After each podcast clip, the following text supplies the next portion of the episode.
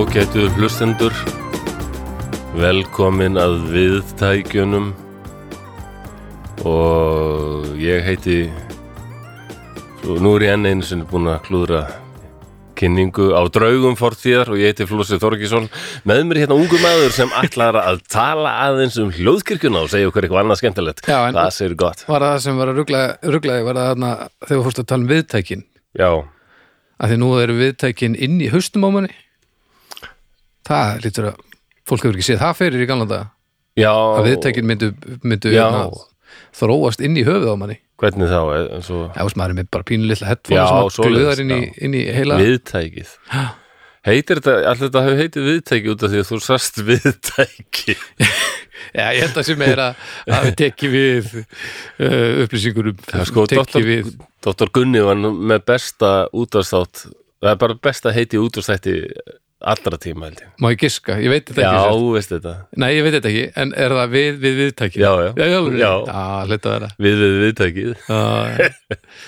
Það er gott. Ég held að það hafi verið út af rót sem var eitthvað skona svona svona progre progressive stöð alþýðunar eitthvað hérna, Já, 80 eitthvað. Svona fjölasmála útvarpið rót eitthvað svona svona. á lofti Já, og já, þetta var bara svona daldið rauð stöð sko. var þetta skemmtilegt eða? Það voru, já, þetta var daldið skemmtileg stöð af því að það því er nú- gáttu svo margir bara að við viljum vera með út á sátt, já, komið undirlega maður. Bara þetta var svona daldið en- og hérna Stjáni Stuð var með út á sátt sem var æðislegur. Mm. hann var hérna daldið típa svona á í byrjun tíund áratugurinn sko. Já, hann- er hérna, æ, nú veit ég aldrei hvað að segja. Ég býst við hvað að segja maður. Maður með einhvers konar þroska já maður með þorskafum Já, Já. við skulum bara koma beintin á það nákvæmlega. Við fengum bara ábyrningar um það. Já, mér fannst það góð ábyrning Já, að hérna að þegar maður er að tala um, um þjóðfélagsópa sem að e, eru frábrunir manni sjálfum, þá maður að setja semst einstaklingir í fyrsta seti Já, og svo bæta við með hitt og þetta. Þetta er bara eins og ég, það er alltaf að tala um mig sem ég er maður með ADHD, þú veist, þú er Mhm. þú veist, jú, stundum, þú, það er talað um að þú sért þunglindur, já, en þú ert þá samt maður með þunglindi, þú veist, það er þetta að, setja fólki í fyrsta seti og hitt sé Já. þetta, hérna hvað, hvað er orðið sem er letað að það sem viðbótin við einstaklingin sé ekki það sem að, að skilgarinn einstaklingin, það er það sem ég er að tala um skilgarinn, góð punktur, akkurat. Já, ég kann að meta það, þetta, þetta hljómar sem lítilsáttar breyting, þetta þetta aldrei um þetta. Já, þetta er líka bara eitt af þessu sem við hefum ekki að fá að ráða sko. Veist, þannig bara fólk sem veit hvernig það vill láta tala um sig. Já, og þá hefum við bara að hlusta. Við hefum ekki að hafa skoðunar einhverju sem að kemur okkur þannig sé ekki við, við hefum bara að hlusta að læra og hlýða sko. Nei, því ég vann á geðdeldunum var ég þessu geðbatteri þá hérna, fannst mér jættel meðal starfsfólksins og mikið sko við og þau hugsunaháttur sko, geðveikir. Já, já þau eru svona og svona það sjúkdómurinn er svona svona. Fólk er alls konar. Og ég fór að sjá það svo vel að, ég talaði um þetta hérna áður sko að ég fór að koma svo oft auga á undir þessum mikla sjúkdómi hjá sömum mm. þá sá maður persónuleikan já, já hann já, er alls konar, þarna var fólk með indislegt hjartalag, virkilega gott en bara með þennan ofsalega sjúkdóm ofan á, en það var alltaf einhver persónuleiki hérna líka sko. Já, akkurat og svo, svo voru sumir aðrir sem ég kunni bara ekki drosalega vel við út af því að mér fannst þeir ekki skemmtilegi persónuleiki fólk með, með alls konar sitt getur líka verið fáið þetta sko. Já, veist, ég, það, geta, það geta allir þjóðfélagshópar verið Já. indislegir og algjör erkifíbl það, við, við, bara, við skulum bara gefa okkur það já, ég lendi smá rimmu við starffélaga minn um daginn sem hérna, held að ég væri að tala um að geðvikir væru allir fávitar þegar ég sagði hérna, Já, á, var það geðvikir sem var að tala þarna eða var þetta bara fáviti? Já, já, já, já. Þetta er, þetta Ég er myndi bara ekki kalla geðvik að fá þetta, er bara á- fólk eins og aðrir og já, já, einmitt, þetta er fólk eins og- mér skildi þetta daldið. Þetta er einmitt svona, við hefum þetta svolítið þannig að, að, í grunninn þá er allir fólk og það, þá svona auðvitað aðlaga maður sig að breyttum aðstæðum hjá hverjum einum. Já, en það fær engin bara frýtt spil frá því að vera fáviti nei, ef það er ekki veist, alveg ástæða ef þú ert bara að vera dikk þá skiptir einhver máli hvað þú ert sko. En þetta er erfitt þegar fólk er með náttúrulega, jú, oft voðalega sjúkdóma, en geðkvörf til dæmis geta náttúrulega, fólk getur virkað alveg Já, það, það, það er til dæmis við þær aðstæður, þá ertu ekki bara að vera fáiði Nei, nei. það er bara allt annar pakki Já, og svo fer það líka eftir því hversu vel maður þekki viðkomandi, sko. Þá fer maður líka aldrei að greina á mig. Já, já, já, já, já Þannig að það er, já, já. Ég er ekki hrifin að þessu sko að fara silki fara í silki hanskana til að meðhundla eitthvað fólk sem að bara, ég kveiki ekkert á þessu mér finnst svona núlstillingin á öllum vera svo sama, svo tekum maður að sjálfsögðu Já. með að hvað fólk er að díla við og en mér líður ekki þessi neitt með frýtt spil og ef einhver snillingur þá er það ekkert eða, eða, eða fíbl þá, mm Mhm. mér finnst þetta bara að vera unrelevant með Já, já. svona of, oft á tíðum sko. Já, já. Nú erum við kannski að koma okkur í ógöngur með, því, með þessu tali. Nei, nei, ég En meina ég er reyndan með hérna, um, það hefði aðeili sem hlustar á okkur samband út af því að við vorum að tala um OCD. Já, Þessi aðeili með Obsessive Compulsive Disorder, árátt og þrá ekki röskun. ok, Það var mér mjög gaman að fá þessar ábendingar. já Um, á ég byrja á henni eða ég á að byrja á styrstaraðilaðinum á hljóðkirkjunni? Við skulum bara hérna, henda uh, í þetta, held ég bara beinustuleið Nú, ok. Já, Svo bara við bara byggjum hitt upp á eftir Nú ég er nú spenntur í þessu Eh, Já, ég skil það. Sko, þessi sagði að þetta var bara mjög góður póstur. Þetta er bara, bara hæflósi. Þú og Baldur voru að tala um þráhyggju og áráttur öskun og hjátrú og allt heila klappið í einum þætti. Og mér heyrðist þú verað miskilja OCD. Og ég, nú segi ég bara fyrir mig, það getur bara meir en velverið. Mhm. Mér finnst ég ekkert vita mikið um OCD Nei, og ég held að í þessum þætti þá talaði ég vist um OCD sem bara eitthvað áráttu til að, að þurfa alltaf að vera að gera eitthvað, eitthvað ákveðin hlut Já, já, já, og það, en hún segir þetta er bara mjög algengt. Og venjulega myndi ég láta þetta kyrt liggja en svona því að þú hefur orðið svona nokkurn veginn talsmaður þunglindra þá finnst mér réttast að benda þér á þetta. Já og ég sáttur þetta, takk. Ég Já. vil fá svona ábendingar. Gott. Við sem erum með þennan geðsjúkdóm erum að mörgu leiti að berjast fyrir sömu vitundavakningu í samfélag, samfélaginu og fólk sem þjáist á þunglindi hefur barist fyrir og þokkanlega tekist nokkuð vel með. Þú sagðir að þú tengir við fólk sem glýmir þennan sjúkdóm.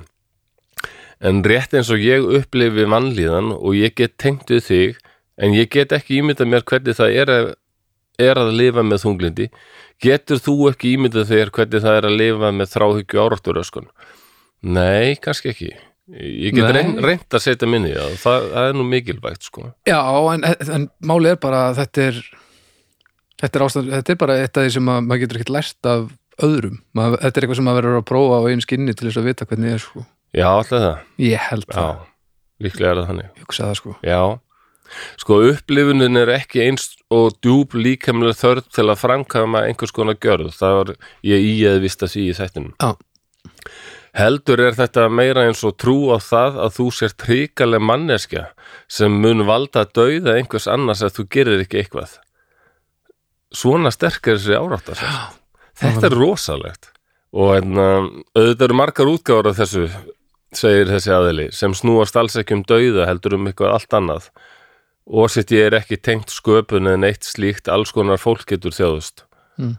Og ég vona að ég hef ekki, ég vona ég hef ekki móðkaða sært. Ég er bara að reyna að vera talsmaður miskilins sjúdóms rétt eins og þú gerir.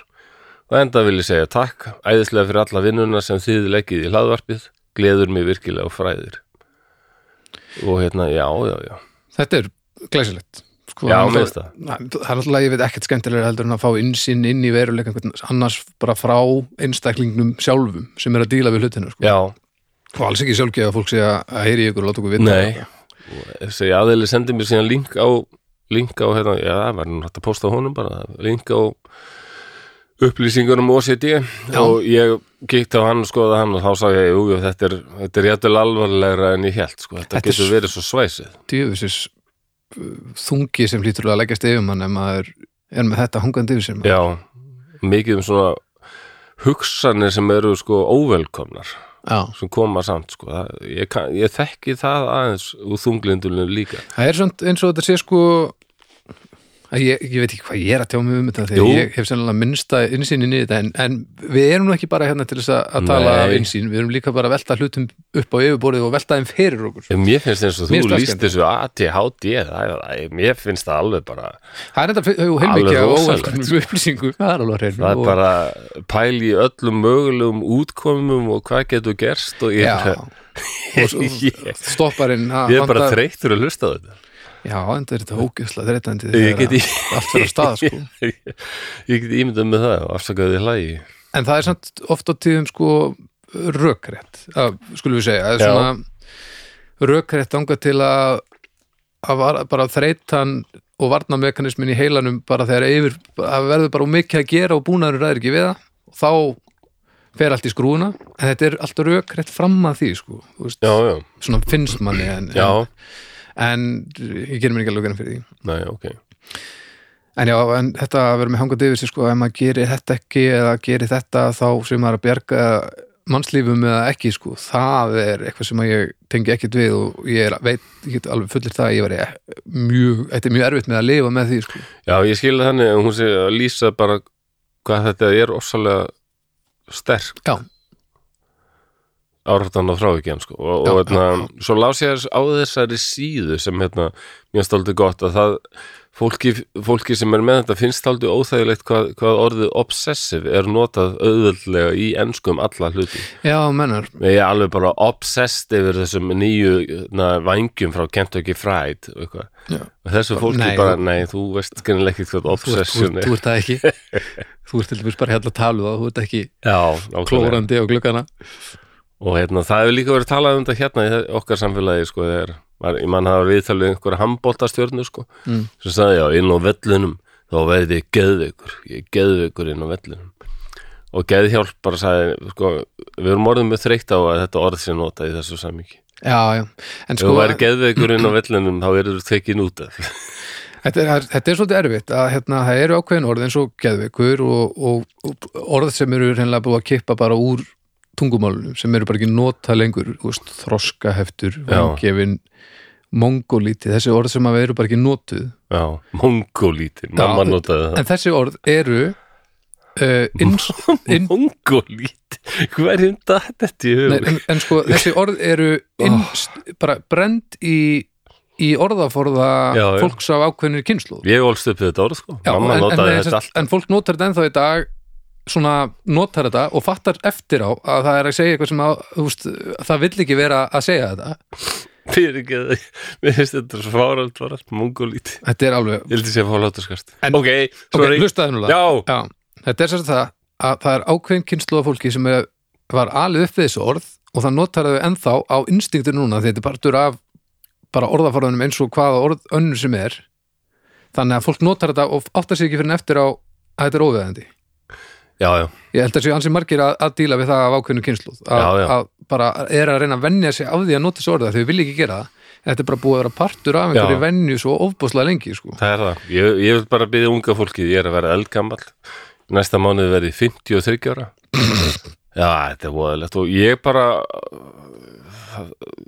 ég bara segið bara fólki á mínum aldri bara, hérna, flósi þetta orðinu er eiginlega ekki notað Já. og bara já, og ég, ég allavega vil bara heyra, fá að heyra þetta sko. ég held að þetta sé, þetta er fólk á milli mín og þín aðalega sem er að díla við þetta að, að nota óveðandi orð af, af gömlum manna og Já. vilja ekki gera ég held að það sé svona aldurspilið því að menn á 60 aldri þá eh, hjá langflestum er heilin bara fínu, fungerar fínt og maður á ég- alveg að geta breytt það er bara einhver stælar ef maður bara setur hælana í jörðinu og bara, Já, nei, ég er bara alltaf að nota þetta orð nákvæmlega, nákvæmlega, þetta eru stælar. Já, þetta er, þetta finnst það. þetta eru gömlu, gömlu fólk stælar. Já, en ekki verða brjáluð elsku unga fólk ef ég og, og mínir líkar nota eitthvað orð sem ykkur finnst stuðandi, segið okkur bara Já. þetta er daldi stuðandi. Því að þið eigi eftir að verða líka 53 og þið eru að nota eitthvað orð eins og hérna, já, hvað er inn í dag? Internetið, það er bara æ, langama, það tala ekki um internet lengur sko, ég meina hvað? Já, ertu ekki með svona tölvu, æ. Það er, maður hefur ekki nota orðið tölva í 30 ár sko. ég meina það er aldrei að vita það. svona líður gamla fólkinu Æ, bara. hvað er inn í dag? Internetið þetta var nú bara heldur nýtt hér að spytta í fornesku ekki það verður bara, glórið fárið þorð eftir já, já, já, alveg bara á eftir sko. En eru, nú og skulum mamma við var alltaf sagt getur ekki hérna, sendt honum Óla svona skilabóð með internetinu? Já, já, já, en hún var að reyna að átta sig á þessu. Já. það er bara mikilvægast.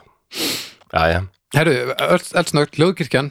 Já, hún er rosaleg. sex þættir í viku, þetta er mánudag, þriðdag, mikudag, fyndag, fyrstar tveið þættir á föstum. Og þið finnir alls konar þætti þarna. Þetta er músík í bland við þvælu í bland við mat og matarmenningu við töl uh, uh, gamla tíma eins og hérna hjá okkur myndum við segja já, og, já, og spurningaþáttur Gamla og, og hitt og þetta. Þannig að það er eitthvað fyrir alla hana inn á hljókirkynni, þið getur fundið þetta inn á Facebook.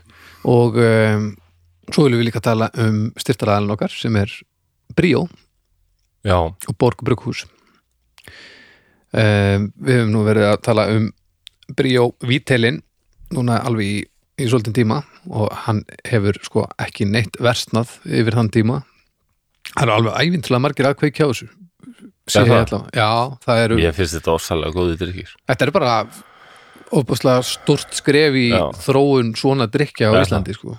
Þetta er það já, ég já, nú er ég svona óvirkur alkoholisti Já, og ég held að sumir sko, það var oft mikil umræða hjá óvirkum alkoholistum um sko að forðast alveg alla drikki eins og pilsner og svona. Já, já, því já, ég ætti að drekka þá var það nú auðveldast í heimi fyrir mig að forðast pilsner því mér eru aldrei þótt hann góður. Æ, ok. Og það er en líka rosalega mikið magn af áfengi í pilsner, það er alveg Auðvitað. 2,25% Já, hann jæðrar við að vera bara hreitn og klár létt bjór. Já, En þarna, sömur myndu kannski segja að þetta er ekki óáfengu bjór, þetta bríó, það er uh, millið 0 til 0,5% áfengi í þessu. já, En þá erum við að tala um áfengi sem er bara í algjöru snefil magni. Og það er svona jætt mikið áfengi eins og hægt er að finna bara í mörgum mattegundum, eins og vel þroskuðum banana, uh, í, já, brauði mér að segja, er áfengi í, á þessum magni. ég er hættur að er- drekka hana ég, ég bröð Livrin hefur ekkert fyrir því að skóla þessu magni út sko. Nei, það, er líka, það er alveg bóttið ástæða fyrir því að það má kalla bjóra sem eru með undir 0,5% Óáfenga. áfengismagni og áfenga það er akkurat. bara því að, að þeir, það áfengi hefur ekki þessi áhrif á líkamann sem að, sem að áfengi gerir í einhverjum magni sko. Nei, nákvæmlega, það er ekki eitur áhrifin Nei. er ekki. Nei, nákvæmlega. Það er verður allavega djöfulegt ef maður þurfti að hætta að borða þorskaða banana og brauð ef maður verið að koma meðferð. Já, bara nei, ég, ég get ekki snert ég get ekki snert þetta þetta epli hérna, þetta er búið að standa alveg hálfan dag. Já, æ, já. Já, Me, meira um bríó eða hérna? Nei, þetta var bara, þetta var bara skemmtileg insýn þannig að, já, ég held að svona, ef ég, ef ég skildi þið rétt þá var svona inntæki það að uh, kollegar þínir í, í, í alkohólbransanum ættu ekki að mikla fyrir sér að, að, að prófa þetta af því að, að því að allt undir 0,5 það má kalla það óáfengt. Og það er bara því að, að áfengið er í snefilum magnið svo þú sagðir. Já, svona ef það er ástæðan þá finnst mér ekki ástæð til að óst- óttast en svo er kannski bara sömum sem finnst sko bara reyði upp einhverja minningar að að hella einhverjum bjó, vökvar sem líkist bjór Já, já, og lyktar og, og svipað í glas sko, er, en ég held samt að ef, þú, ef það er óþægilegt þá ertu þegar á eitthvað óþægilega, óþægilegum stað sko. mm, því það á að vera hægt að losa sér svo rosalega undan áfenginu og það er bara engin löngun í það. Allir Já, ég held að langt flestir ætti að geta náð því sko. okay. Nú, nú þetta er auðvitað mjög umdeilt það, en alltaf, ég segi þetta bara því ég núna. upplifði þetta þetta er bara mínu upplifun, þetta er ekki þessu sem hérna, og endilega ef ykkur finnst vilja gera aðtöðasendi við þetta, bara senda mér skilabóðu eitthvað, ég reyna að svara öllum skilabóðum sem ég fæ, Já, ég er misgóður í því, já, já, það er ekki þetta og, að fá vonundir allir, allir svar áður en þessi áratugur endar. Já, já. Og vinir mínu vita nú vinir mínu virðast vita hvernig ég er og samt ekki gefast upp á mér, mér finnst það alltaf svo furðulegt. Það er of skemmtilegur sko. Ef þú væri- það- leiðilegur þá held ég að Aðalbjörn, vinur okkar hringdi mig um daginn og hann bara, nei, svarar þú bara? Ég, ég var svo ég átti alls ekki vona þessu sagðan það er erfiðar að náði þig en fórsetan það er samt, fyndi með þig að að nú er ég búin að ringja mjög oft í því og þú svarar ekki. Já, en það er yfirleitt að þú, þú svarar aldrei ef þú getur það. Nei, að þú svarar aldrei ekki ef þú getur svarað já, þannig að þá er þetta alltaf leið Þú veist, ef þú ert bara sofandi eða, Já, já, úr ok. þunglindi eða, eða að vinna eða eitthvað, þú veist, þá er það bara allt annar leikur sko. já það er rétt En Þetta er bara aftur, ég er til að slökka símónum og setja hann bara eitthvað stóra á myrkan stað stundum, Já, það er líka bara ég fínt get þá. þetta ekki bara svo lengi sem það er ekki deadline á eftir sko. ég var nú ekki alltaf ég var nú ekki beint að leta bara lífið þegar við ákvaðum að hafa þetta vikulegt það var nú kannski Nei, nei, það er það hefur svona sínt mér bara hvað ég er veikeði og þóli lítið álag. Ég er En- alveg bóðalugur hvað mennur, við erum búin að standast hvernig Já, já, reyndar sko. Já, veist, með einhver klukkutíma smá svona til og frá. En ég, ég er bara alveg á því ég, ég er veik geði, ég þó bara alveg óhrættu að segja það. Ég þóli eh, ég þóli ekki 100% álag eins og það er í þjóðfélaginu dag. Ég held ég geti ekki verið í 100% vinnu því þá bara versnar þunglindi svo rosalega Já, að það bara, ég ræði ekki við það. Já, þannig að þannig séð er þetta mjög hamlandi sko. Já en ég meina miklu betra að viðkenna það og horfast í augu við það og akta á það heldur en að, að fara skjálfandi á beinunum og sem taugar hún ekki um lífið, óguð, já. Og það er líka bara ekkert hver, hver ætlar að segja hverjum og einum hann, hvernig hann vill hafa lífið eða hvað hann getur í lífinu. Þetta er bara, þetta er bara þvæla sko. já, já. Ég held það. Þetta gerir mig allavega villusun en ég með annað hérna, sem ég ætla eftir að, ég fekk líka skilabóð frá að býður bara já, ég verð enga stund að segja, ég var bara ánaður að hega að ég sko, að því að langflestir í kringum mig eru svona, mér finnst þeir vera, vera skildinsvíkt fólk. Já, og fjölskylda minn til dæmis sem hana, bróður minn er ekki með þunglindi sko, og hann, hann bara þekkir mig og fleiri sem eru með kvíða og þunglindi og sýnir því þess vegna virðingu hann, sér bara, ef séð þetta er alvöru sko já, já, já, já. og hérna það var manneski sem hafði sambandið mig og sagði að að makin makin væri dálítið kemur svona fjölskyldu þar sem þetta væri, væri lítið þetta sem auðingjaskap já. En, en þessi maki hefði verið að hlusta okkur og orðið fyrir smá, smá svona, þetta hefði haft áhrif á hann sko, að heyra okkur tala um þetta. Ok, og hérna og hinn mækir sem hafði sambandi mig er einmitt að glíma við þunglind og kvíða. Ok. Og fa- fannst þetta daldið bara vel svona þakka fyrir sko, við, við vorum svona duglegir að tala um þetta. Já, þú ennþá bara frábært hvað fólki finnst þetta magna því við höfum alla tíð talað svona Já, mér, mér hefur alla tíð fundist vera eðlilegt að eitthvað sé að, ég veit ekki hvað af hverju. Já, góði punktur þessu mér finnst það bara að vera mér finnst það að eigi eitthvað að vera að, að þess að það eigi ekki að, að ganga að því vísu að ekkert sé að. Það finnst mér skrítið sko. Já, kannski bara þekki maður líka svona skemmtilegan hóp, ég veit það ekki. Það Já. er bara eitthvað að öllum og, og það, það er eitthvað svo snillalegt. Já, en það er bara gott að heyra að fólk sé að fatta þetta sé út um allt og í lægi líka sko. já af því að ég var alveg til ég þekki þig án þunglitis en ég veit ekkert hvernig hún væri. Nei, ekki hugmynd. Þú væri stór undalegur sko.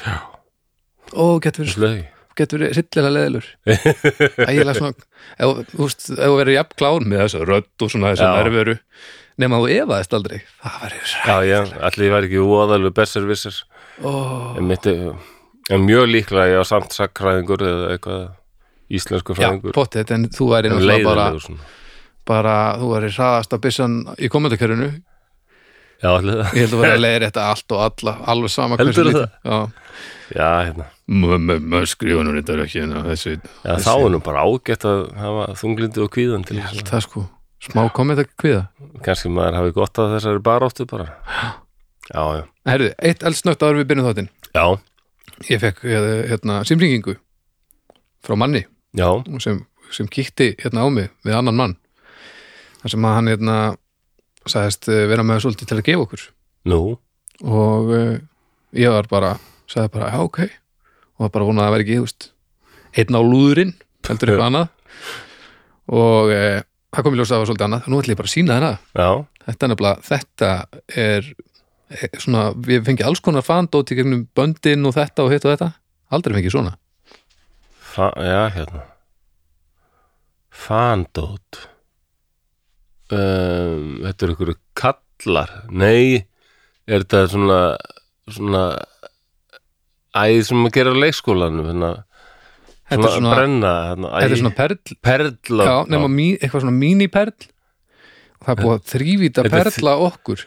Þetta er þrí Þetta er 3D þetta heitum þú, og er ég handból þú ert að sjálfbóla, já. Já, og glerauðin eru þarna á borðinu já, já. Þetta er ég hérna. Og Þetta er stórk svo er hérna. Eitt svona Eh, skilti Nú er líka. hann með hérna, hvað, öllur lokið. Öllu er lokið. Búið að perla, perla þetta. svona- á svona gulu skilti með svona Ég- stöndum. Ég er svo aldeilis maður. Þetta er g- dásamlegt. Þetta er gríðalega Hún mátt bara passa þess að kalla alveg. Má maður eitthvað spyrja svona Er þetta bara einhver sem hlustar á okkur sem, Já. Einhver sem þú þekkir? Nei, ekki sem ég þekki. Ég, ég, ég kannast við hérna manni sem kom með honum en uh, og já, ég nei, ég þekki hann ekki. En Nú, þetta já, voru ægilega vinnalegir og bara hann var bara búin að hlusta og bara langaði að dunda sér eitthvað þannig að hann byrjaði bara að perla okkur og sko byrjaði bara í desember eða eitthvað. Og Já, að hérna. þetta er, að þetta er svona mikró mini perlur þannig að þetta tekur djöfulegan tíma sko svona þrývið þar perl. Ég er svo aldeilis, þetta er rosalegt. Þetta er skuldbinding þannig að Já. þetta, við þökkum kjærlega fyrir Já, fyrir, hérna, fyrir þessa snild Ah, þeir vá. eru búin að taka sér stöðu hérna í stúdíóinu og, og vernda þetta. Og við hendum nú myndum, myndum að þessu inn á umræðahópinu svona svo þeir séu nú, hafi ekki bara hirti þeim. Svo við gera það. En uh, nú hljótum við að fara að byrja þetta ekki? Já, við erum ekki að renna bara í setjast við særingartöfluna setjast við andaglasið. Já, kveikja eld og aðtöða hvort hann verði ekki blár. Því draugar fortíðar eru á næsta leiti. Við skulum þá setja okkur í stellingar hlustendur góðir því nú er komið að því að við ætlum að særa fram drauga fortíða drauga fortíða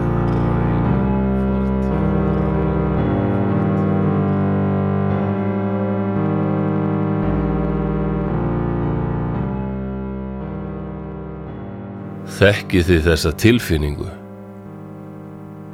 Að vera reyður svo óbóðslega reyður eiginlega alveg brjálaður af reyði samt geta ekkert gert. Verið króaður af út í horni. Þetta er ömuleg tilfinning. Eins og rotta í gildru Ég átti aldrei neitt möguleika í þessari baráttu. Valdhafarnir sem eru bara einhver stráka gengi, þeir ætluðu mér aldrei að sigra eitt eða neitt. Þeir ráða öllu. Þeir byrja að rotta sér saman strax í leikskóla og svo heldur þetta bara áfram. Fram á fullorðens ár. Hvort sem það er í einhverju fjandans bæjaráði í smáþorpi eins og hér í Colorado eða á þingjunu í Washington. Þetta er alltaf sama sagan. Ekkert geðst nema að strákarnir sem öllu ráða séu sáttir við það. Það er ekkert fjandans líðræði. Það get ekkert allir látið drauma sína rætast. Þessar klíkur stjórna öllu og ef þær eru á móti þér þá er leikurinn fyrirfram tapaður. Þannig fór fyrir mér og ég vissi það alltaf. En ég er bara ekki maður sem vill gefast upp. Það er ekki mínu eðli. Forföðu mínu lögðu þetta land undir sig og létu hvorki óvinn veitt að frumbyggja nýja óblíð náttúruöfl stöðva sig. Þetta fólk hafði nokkuð sem viðurstykkilugu valdaklíkurnar hafa ekki. Og þetta afl hef ég einni í mínu liði og það er Guð. Ég finn svo sterklega að þetta er Guðs vilji. Hann er með mér í þessu og ef Guð er mér við hlið, hræðist ég ekki dauðan, þvert á móti. Já, ég hef tapað þessari baróttu. Enda gætt óvinnurinn valið vígvöllin og stjórnað öllu En eitt get ég þó, átt seinasta orðið. Og svo hjálpi mér Guð, það ætla ég að gera. Nú er komið að því. Ég er tilbúin og hún er tilbúin. Saman munum við sína þeim hvað okkur finnst um þessa ömurlegu þorps ómynd þeirra og allt drastlið sem þeir vilja byggja í óleifi á landi annara. Ég hef þegar sett brinnvörnina yfir. Það er engin leið inn eða út. Ég veit að ég mun degja hér inni og það er allt í lagi. Ég er sáttur. Um leið og Guð laumaði þessari hugmynd í huga mér, fann ég fyrir friði í fyrsta skipti í langan tíma. Og ég ætla ekki að koma út eins og ræfill með hendurnar á lofti svo þetta pakk geti hleyið að mér. Ó nei. Það er í raun furðulegt að engan skuli hafa grunað neitt.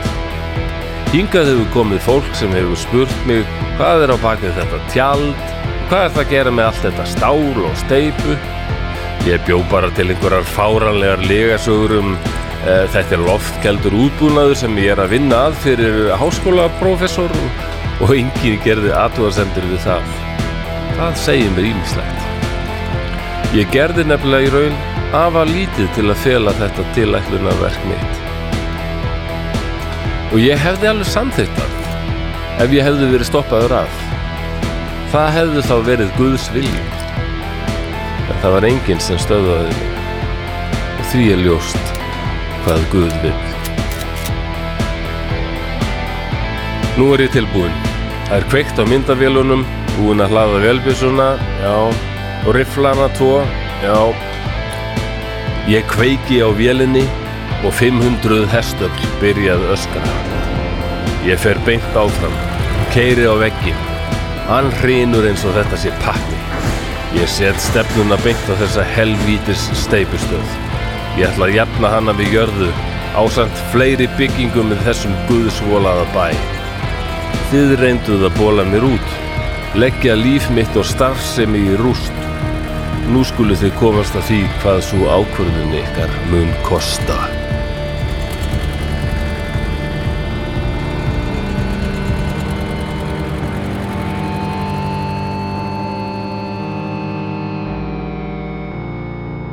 Og lestir er lokið. Og logarnir í hringum okkur verða aftur uh, taka á sig eðlinan blæ og kveðjum draugu Afblána. Afblána Afblónar, já. Ég forðaðist að taka fram hvað er að valda þessum 500 hestöflum til að halda smá svona Já, heldur þú, ég þekki þetta sko. Já, mannst þetta að verðum þetta á eitthvað þinn Já, ég maður bara eftir að hafa kynnt mér þetta. Já, það. Fyrir, fyrir ansi mörgum árum samt sko. Maður á jarðítu Já, Já. sem er búin að, búin að græja hann aðeins það sem hann var aðeins ósáttur við að, meðal hans vegagerina þarna í útlöndum og var ósáttuð mjög margt. mjög margt sko. En ef sko við höfum nú talað hérna um allskyns illmenni Já, raðmórðingja og svona já, en þessi maður Marvin Himayer mm. það er, ég eitthvað sko, ég tengi ekki við Ted Bundy eða Jeffrey Dahmer eða hérna, hann, hann sem við tókum aðeins fyrir Dennis Rader. Já, sem er bara mjög gott og tengir ekki neitt sérstaklega við þá, það er bara Nei, það er svo, en, en það er eitthvað Marvin Himayer ég, Þetta ég er, er orðin svona ofsalega reyður já, ég meina þetta er finnst það bara að vera brotið á þér? Þetta er, hvað heitir hann sem fór í fórstaframbóð, vörubístjórin? já, hérna Sturla Já, Jónsson þetta, þetta, þetta er svona þetta er svona alþýðu tenging sko. já, það er eitthvað en enda hefur Marvin Himayer gremja sko. já, enda er Marvin Himayer sem ég er að lýsa hérna Já. hann er hetja sko það er hægt að fara á internetið þá finnur þú bara síður þar sem hann er að tala um hann sem hetju Já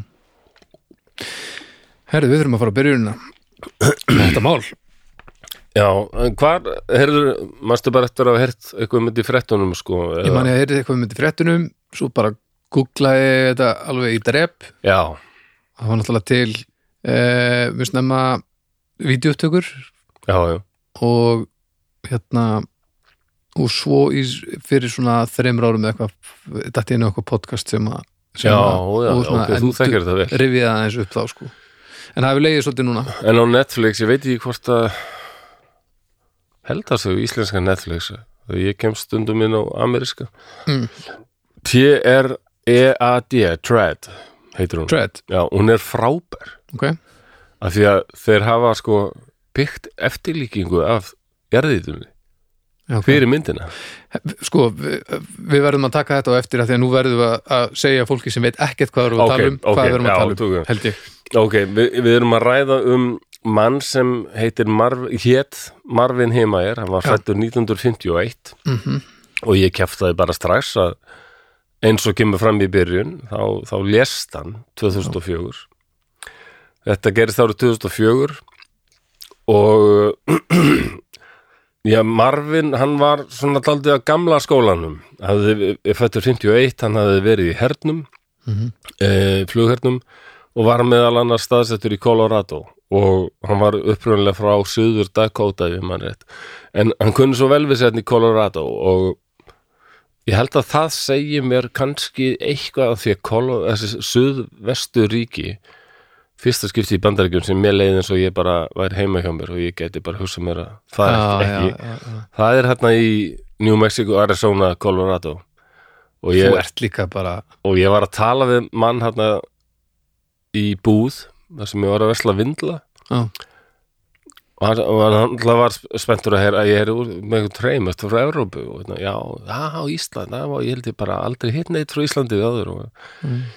já, ég er hérna í fyrsta skipti í New Mexico og hann sagði, já, ég er reyndar ekki hérðan, ég er frá Kaliforníu og New Mexico er þannig hérna koma mjög margir sem vilja losna svona úr hávaðanum í stórborgunum og kannski undan því sem þeim finnst vera og ríkisvaldsins. Og já, það er eitthvað svona yfir svona kapitalisma overflowi og, og, og valdabarut einhverju.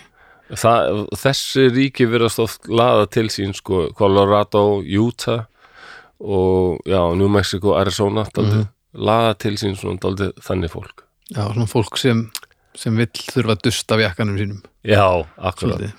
og Marvin var hann var duglegur maður og hann var snillingur í loksöðu og málmsöðu Mhm. málmsmíði. Já, og hérna hann elskaði fátt eins mikið og að fara á vélsleiða og þeir voru nokkur hérna sem fóru á vélsleiða og, og það kom oft eitthvað fyrir þá og þurfti að laga þá. Og það var Marvin sem bara mm hann tók bara oft bíla fyrir fólk og endurbætti og hann var bara snillingur í að já. vinna með málm. Þar var hann alveg heim, heimaveginu sko. hvernig ert þú Flossi að vinna með málm?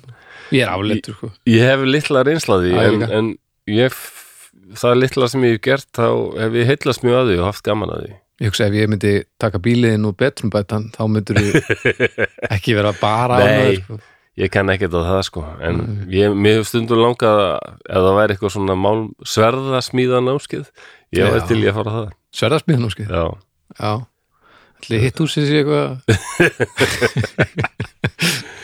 Já hvern fyrir lagsártals síslu er með held, sverða smíða námskeið já. heldur það eiginlega langt námskeið. Ég- já, ég held það getur verið þetta aldrei langt sko. Er ekki svona kíkja yfir helgi og hendi sverð. Nei, nei, náttúrulega aðal svona námskeið sem langar á það er að fara til Gunnars og smíða gítar eða bassa já, sko. ég líka, Já, mér langar til að gera það. Það ég held að alla hljóðfæra landsins já, langið til þess við sko. erum að kíkja á þetta einhvern tíðan það er ekki ógeðslega gaman. Það er það, kostar það aldrei en ég held að sé alveg peningar að virði. Ég, ég held að þetta sé vel penningar Já, vel það. Ég held að þetta sé mjög svona, Og öll hljóðfæri sem ég hef hófstillt verð. prófað sem koma að þessu, hann leifir ekki neinu hljóðfæra að fara sko sem er ekki bara, sem er ekki í hljóðfæri? Já, sem er ekki lægir það, Þannig að það er flott. Við kíkjum á þetta það. en Marvin hann var sem sagt sko, hann kemur með fyrir sjónir og hún er með líst svona í þessari frábæri mynd hann var mikill vinu vina sinna svona maður sem þú gast hringt í og hann bara kom og aðstöðaði sko. já, já, já, já. en ef honum fannst að þú værir á mótónum Mm. þá gæti hann orðið mjög viðskotað íllur já, já, já. og það eru sögur um það að það er eitthvað sem var lengi að borga borgunum Marvin Rak sem satt svona loksuðu verstaði Mhm. og var aðeins því að gera við þarna muffler, hvað það er Ljókúta hljóðkútur akkurat. Já, það minnum á því ég var í Georgia þá sá ég hérna Georgia. Já, Georgia, við þurftum að fara og láta kíkja bílinn. Þá var svona muffler shop í bara pínulitlu þorpi á fylgismörkum Alabama og Georgia. Það var risastór kross bara inn í miðju, miðju hérna þorpinu. Mm. fyrir utan þarna bifila verstaði þá var bara risastór svona skilti með bóðurðunum tíu Já, já, já, bara skrifaði í gull. Næs gullstöðum, já, já. Og svo, svo var ég bara að býða þarna inn á býðstofu og það var eiginlega bara Guns and Ammo sem hægt var að lesa. Ba, Guns and Ammo. Já. sem ég fannst fínt sko ég pingu á hóa byssum sko. Byssur og kúlur og Guð og Já. Jésu og, og svo var ég mann það slókani hjá þeim var sko þarna No muff too tough. Já Glæsilegt. Báen hétta þið, Báen, bræður Báen Muffler Repair Shop. No muff too tough No pipe too tight. Djöfusins veistla Já, var þetta ósalega viðkunnlega menn en, Bara hljóðkúta hljóðkútabúð Já, bara, að það er bara allstæðir bandaríkjunum eru, eru sérstaklega í söðuríkjunum Það liggur við og þú getur alltaf litið í kringu þig þú sérð annarkvort ef ekki þetta er tent eða það er all, allt, það er kirkja bensinstöð og, og bifilöfastæði Já, Þessi þrý hlutir eru í miklu magni í söðuríkjunum sko. já. Ég verð að mig á gögt Já, já, en allir ægilega vinarlegir og bara, já, Já, já. Þetta er aldrei svona skrítið að sjá þarna bara bóðorðin tíu og eitthvað. Já, ég veit ekki með þetta Nei, það er undarlegt en maður bara Og ég er ek- ekkert að drulla beintið við bóðurinn Það er margt gott í þeim. Já, já, En já, veist- heldur betur. En Þú skalt ekki drepa Ég held með því, bara, er bara mjög fínt. Bara ekki stela? Já, ekki gera það. Ekki gyrnast uh, konu vinna þessi Nei, nei, bara, það er margt í En þessu þú veist, þetta getur verið bara bóðurinn bóðurinn þrjú. Það var alltaf alveg nóg sko, bara slakka á. Slakka á, ekki drepa hann og, og við verðum að halda í bara gerðu það sem við aðra já, sem þú vilt að aðri gerir við þig nefnum ef þú ert másukisti já, já, akkurat og þá, veist, þá erum við bara með þetta Já, um, það, þetta ætti ekki vera neitt flókið sko. Slakaðu á, það vantar það alveg sem bóður, 11. bóðuri slakaðu aðeins á það er bara svo erfitt að að, að delivera því til einhvers þegar að búa að höggva það í steintöflu þá er slakin einhvern veginn nú Nei, þegar það var svolítið farið, sko. já, já Ég, ég mæla alveg með söðuríkjunum og maturinn er alveg æðislega sko. er, hann er kannski ekki grennandi en hérna, að, það er bara einhver fílingur að það sem er líka já, öðruvísi. Já, um, Já, og þetta, þetta gerist í Granby, Colorado íbúafjöldin þar. Mm þetta er algjörst smáþorp sko. Þetta er minn en Húsavík. Það er 1900 manns sem búa þarna. 1900 já. ég veit ekki hvað er margir húsæk núna það er svona 25. 2002-300 manns held ég. Já, já, Já, við erum að tala um það þetta, við getum svo sett okkur daldið í þetta þetta er svona smábæjar samfélag Já, sko. já. hann er, ut, hann er utan að komandi sko. já, já, já, já, já, glottir húsvíkingurinn hérna. já, já, já. já, þetta eru mann alltaf voru, slagsmál og ólæti á Húsavík þá sagði gamla fólki já, þetta var nú vist ykkur utan að komandi menn Nei, þetta er einhver utan bæjar Utan, utan bæjablafi þetta er ekki, já, það er ekki verið frá Dalvík eða eitthvað, já tjóðsins hérna harkan en að að fara alltaf á ball. Já, já, bæði húsíkingar og akkurringar til að slást. Jú, jú, það var, það var bara eins og sé ekki nógu erfitt bara að fara á ball sko. ég segi það, þetta það var alveg líka að reyna að drepa einhvern í, í ferlinu? Þetta er ótrúlegt já, sko. eða sig. Já, já, í dag ætla ég að fara á ball. Ég ætla að hlusta hérna á einhverju hljómsveit sem að mér finnst ekki skemmtileg. Ég ætla að eitra ítrykka fyrir mér í formi áfengis og ég ætla að reyna að drepa einhvern annan. Bara, við erum að nýta helgarnar flósi, fyrir svona 15 ára síðan því ég vann og svo eða ég hálfu sóluningi að reyna að redda mér fari í bæinn. Já, þetta er ótrúlegt. Fyrir svona 15 ára síðan hann vann ég með Kalli frá Akureyri. Og ég sagði hann um að ég var að já, ég er að fara norður, já, þetta var Akureyri? Já, ertu að láta- nei, nei, ég er að fara Húsavík. Ha, sko þetta til þangað fóð maður nú bara til þess að slást. Húsavík þetta vantar alveg í mig, þetta element. Já, er þetta ekki bara döitt líka? Ég man eftir því, ég held ég að tvisvarsunum slegið einhvern og ég er enn með móral sko. Já, ég fæ enn þá bara svona, vá, flottur. Þetta var svona Ég- ég það, já, já. heimsku gangur einhver? Já, ég já. er búin að byggja stafsökunar og allt það sko. Já, en ég, þegar ég hugsa um þetta fæ ég ennþá svona uh, svona kjánarhóll ég, ég man bara tvisar eftir því að hafa kýlt kýlt mann og, og annað skipti var svona, þá var ég að reyna að vera bully, sko, ég held ég að vera svona 12 ára, Já. byrja að vera eitthvað pöngari og svona, ah, og ég kýldi eitthvað strák. Og hérna, ég alltaf séð rosalega eftir því maður, ég er alveg sama alveg sammála, já, það, ég átti svo sannarlega ekki að gera þetta, sko, þetta var bara og ég man alltaf svona hræðslu svipin á hann já. Ég hugsaði þennan vil ég ekkert sjá aftur, ég fílaði ekki. Nei, ég var kólrangstæður í mínu tilfelli líka. Og ég bara baða stafsökunar sko alveg bara en þetta er bara svo ólít manni eða svo skrítið að- gera eitthvað svona. Við hitt skiptið þá hérna Nei, það var ykkur sjálfsvörn. Það var svona ekki alveg jafn slæmt. Með mástu með Nei, sverði nei, ég bara, ma maður gegn? sér rest á mig og ég kýldi hann bara. Hann var bara ofur öllu og brjólaður sko. Hann vissi ekkert hvað hann var að gera. Nei. en já, Já, já, það var nú bara það. Svo held ég nú að ég hafi kýlt flesta í hljónstinu ham En það, þeir nú líka kýlt mig og það, er bara, það var bara svona vinalegt eitthvað. já, bara Ég í svona, gamla svona, Ég og Björn höfum örgulega kýlt hvort annan eitthvað. Voruð, þið hamlegar mikið í gannislag í gamla þetta Já, eitthvað svona er það. Þú er fáið nei, þú er fáið þið hafið þekst svo lengi. Ég gleymi alltaf því að þegar þú segir þetta og sé ég ykkur bara fyrir mér eins og þeir eru í dag eitthvað svona, hei, þú veit það bara reyna að lemja okkur annan. Já, já. Þið eru alltaf búin að vera hljómsitt í miljón ár Já, ég er búin að þekkja Sigur Jón lengst. Við erum búin að þekkjast síðan við vorum örgulega svona átján ára. átjána Já, við, erum, við verðum báðir 50 og 30 ára þessu ári, ég og. Sigur Jón. Og hérna, já, Það er vel gert já, já, þekkst og alltaf verið í ykkur sambandi, sko. Þú ert að hljómsveitin að við hættu alltaf svona eitthvað. Bara vinir, Já, bara er miklir vinir. Þetta er bara eins og með, maður er svo lukkulega með þessi hljómsveitir sem maður hefur verið í að þetta er bara vinum hans alveg- Þó að eitthvað myndi enda, þá myndi ekkert enda. Ég, ég er fann að sakna þess rosalega að, að fara að fá hamaæfingu sko, það þarf eitthvað að fara að gerast. Já, það er alveg sérlega gaman að hitta þessa menn sko. það er alltaf að að tala um að hittast í kaffi en það er bara Já, við erum svo að halda áfram með það Já, við erum að halda afsakið þetta að halda áfram að tala um þetta efni? Við að, um við verðum að reyna að halda fókustundum það sem gerðist var að Marvin sko, hann virðist ekkert hafi verið illmenni, bara langt í frá.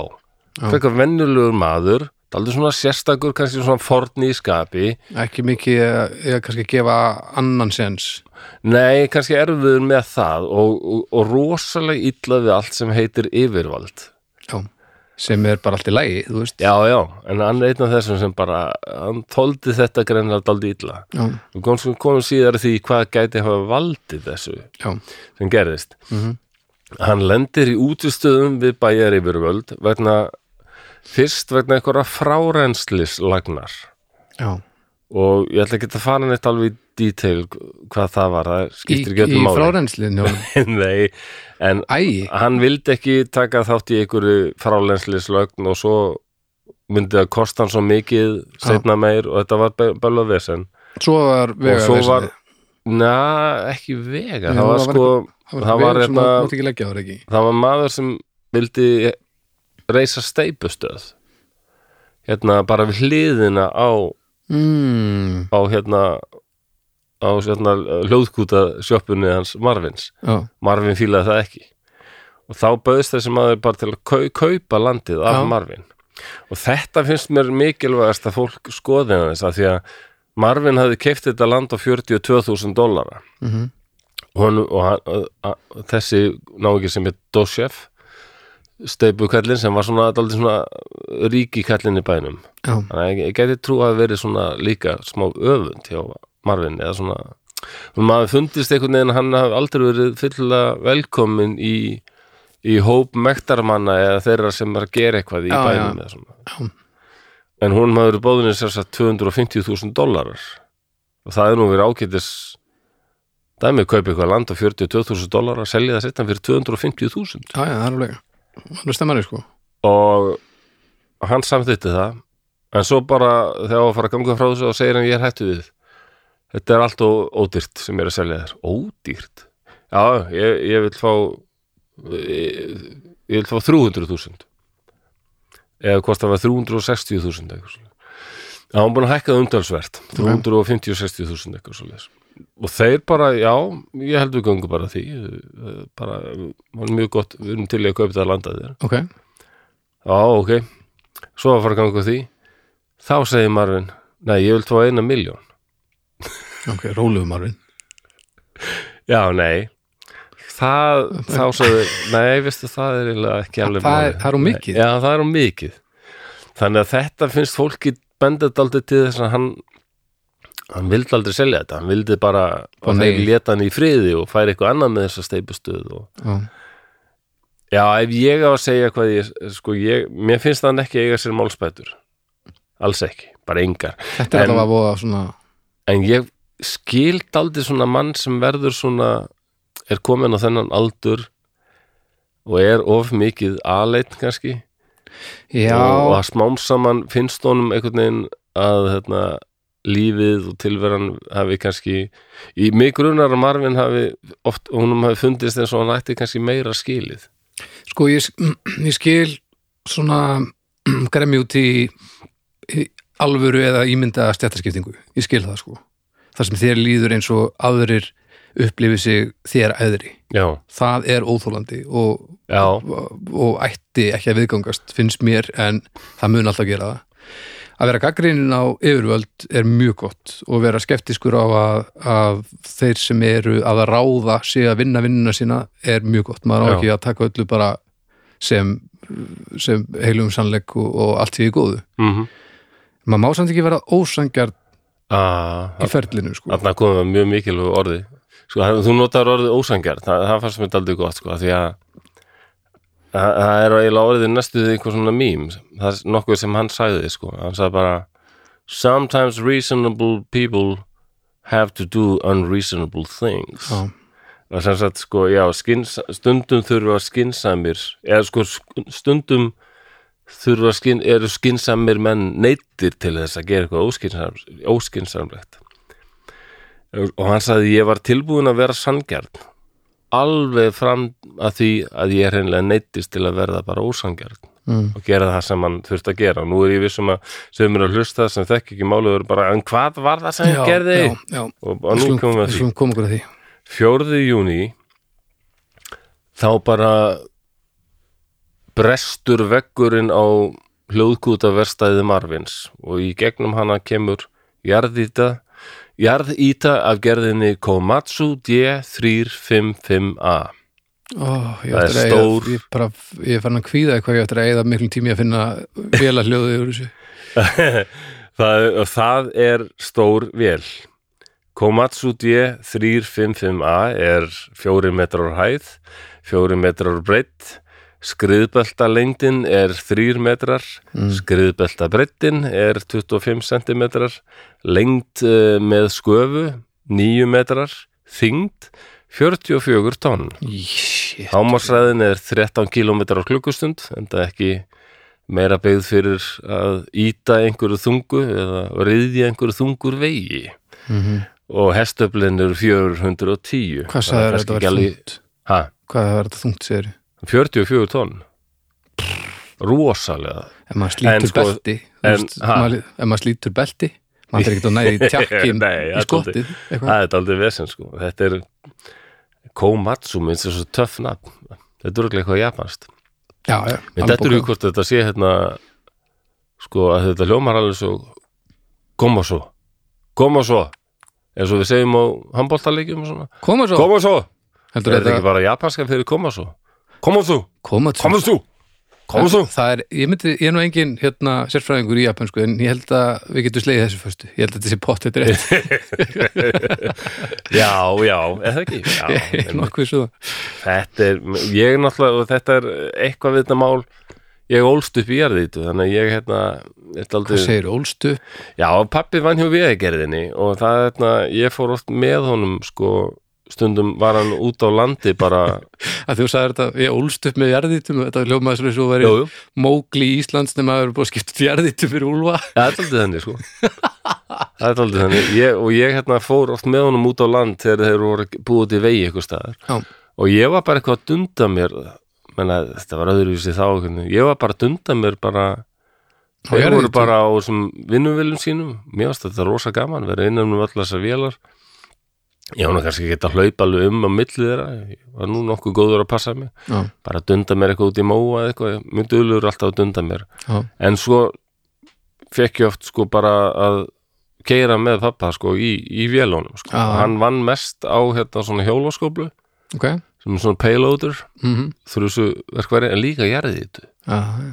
Og mér varst alltaf jarðítan ókvæslega töff sko. ég hef aldrei komið upp í jarðýtu með, þessi, með þessi belti og þarna, eins og ég mu- muni alveg eftir þegar kveitt á henni bara maður er mjög að fara að vinna kraftur sko þú ert ekkert að fara að skjótast eitthvað þú ert bara að fara að vinna já, og svo þessi, þessi hljóð þegar það bara að vera ítekur á steinu bara já.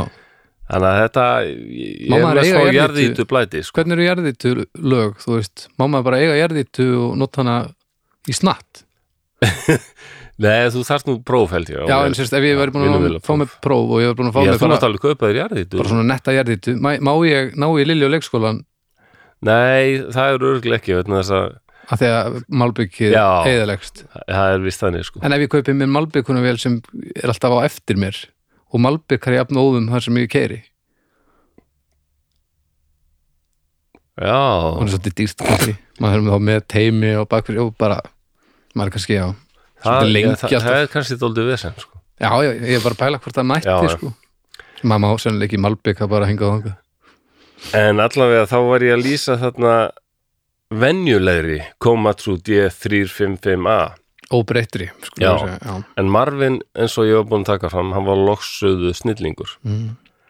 hann var búin í upp til í cirka tvö ár það kemur í ljós þá já, allavega svona eitt og hálft ár. Þá er hann búin að vera að búa til ófresku Mm sem sumir á að kalla the killdozer og það eru til nægar myndir upptökur að þessu. Hann hafði sem sagt búið til brinnvörn úr stáli og steipu Mhm. hann, hann bjóð til sem sagt eitthvað svona stál hólrými einn svona plata og svo hólrými og svo önnur stálplata. Mhm. og svo fyllir hann steipu þarna á milli. Já, og hann, hann, hann hefur verið mjög klár þessi gaur og búa Já, til allskins hluti og, höndunum. Og hann býr til bara svona brinnvörn sem hann, hann notaði sem sagt krana sem hann gætt stýrt einhvern veginn sko fjárstýrt þannig að hann fer upp í þarna jarðítuna Mhm. og svo setur hann bara þessa brinnvörn yfir einhvern veginn já, allavega þegar sko þegar hann, það var ekki leið inn eða út nei, hann hann var bara gjörsamlega lokaður en inni alveg búin að loka sig af sko.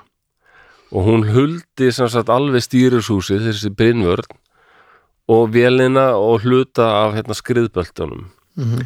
og hann sá náttúrulega ekki neitt en hann var með myndavélar alveg bara fyrir framann og aftur Mhm. og lögreglan komst að því hann er að nota ykkur myndavélar, reynda að skjóta þær maður var hann búin að hugsa fyrir öllu Já. Það var þykkt skotelt gler fyrir þeim Mhm. og eitna, það voru mjög kraftmiklar viftur fyrir þeim líka sem sópuðu burtu öllu hérna, öllu sem getur öllu ru- rusli og svona sko. En svo var hann með lítil gött, svona renninga var það ekki uh, á brennvörninni til hann geti skotið út um. Jú, Já. hann var nefnilega með vopp líka sko. Já.